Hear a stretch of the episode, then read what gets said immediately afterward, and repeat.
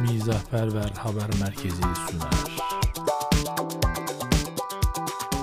Mizahperver Haber Merkezi'nin hazırladığı haberleri sunuyoruz. Yalakalıkta sınır tanımayan Gazeteciler Derneği Başkanı Abdül Selviç'e Cumhurbaşkanımız aslında öyle demek istemedi başlıklı bir sempozyum planladığını söyledi. Neden böyle bir sempozyuma ihtiyaç duyduğunuz sorusunu gülümseyerek karşılayan Selviç'e "Eee, neden duymayayım ki dedikten sonra sözlerine şöyle devam etti. "Eee, gün geçmiyor ki Sayın Başkanımıza bir saldırı gerçekleşiyor olmasın veya gerçekleşmiyor olsun. Başkanımız sahipsiz değil. Medyanın %90'ı ancak kendisini tutuyor. Kendisi e, mütevazı olduğundan hani birçok saldırıya cevap vermeye tenezzül buyurmuyor. E, iş bize düşüyor tabi. Komşudan pişer bize de düşer demişler.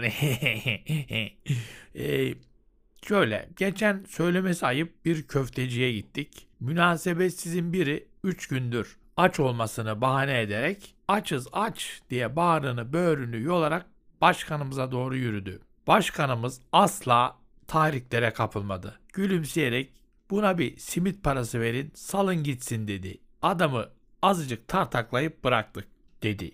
Selviçe konuşmasını şöyle sürdürdü. Yine başka bir gün işten atılmasını bahane eden bir başkası tazminatımı alamadım, işten atıldım, evde çoluk çocuk aç, siz tıkınmayı biliyorsunuz ama diye böyle bağıra bağıra arabanın önüne attı kendisini.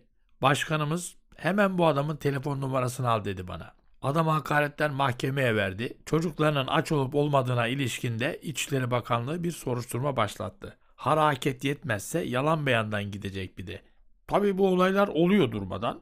4 yıldır atanmamasını bahane eden bir öğretmen ya bizi atayın ya da ben kendimi köprüden atayın böyle dedi.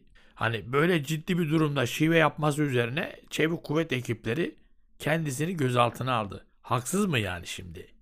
Arkadaşlarının inşaattan düşüp ölmesini bahane eden ameleler yolu kesti. İnşaattan düştükten sonra mı yoksa önce mi öldüğünün belirlenmesi için adli tıpa yolladık kendisini. Şimdi orman arazileri var biliyorsunuz. Bunlara HESMES yapılıyor ya ağaçların kesilmesini bahane eden köylü görünümlü kişiler bir mitingde protesto ettiler başkanı.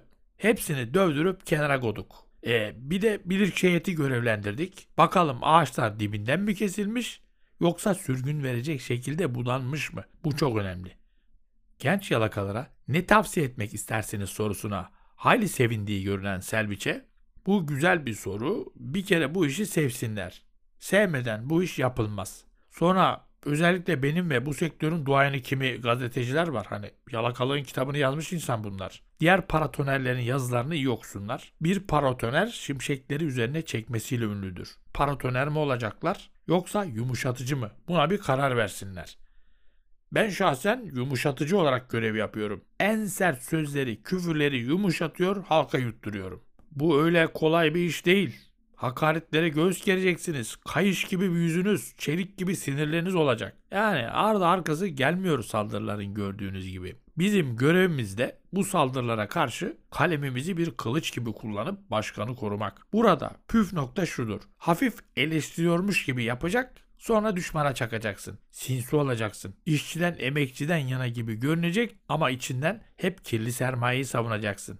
Unutma ki senin ekmeğini veren Kayserileri pek severim bir şaka yapayım dedim. Gazetenin sahibidir. Onun da bir sahibi vardır. Ama yarınların sahibi de Allah'tır. Din soslu konuşup arada bir hadis sallayacaksın. İşler kötü giderse emsal gösterip aslında bu her yerde oluyor diyeceksin. Sanki Amerika'da yok mu, Avrupa'da olmuyor mu dedikten sonra İngilizce bilmeden biliyormuş gibi makalelerden alıntılar yapacaksın. Bu sırada binanın önünde toplanıp kahrolsun yalakalar diye bağıranları fark eden Selviç'e yalakalık yaptığımızı bahane edenler bunlar. Neyse yalakalıkta sınır tanımayan gazeteciler derneğinin kokteyli var. Ben oraya kaçıyorum görüşürüz dedi ve toz oldu. Mizahperver Haber Merkezi'nin hazırladığı haberleri sunduk. Mizahperver Haber Merkezi sundu.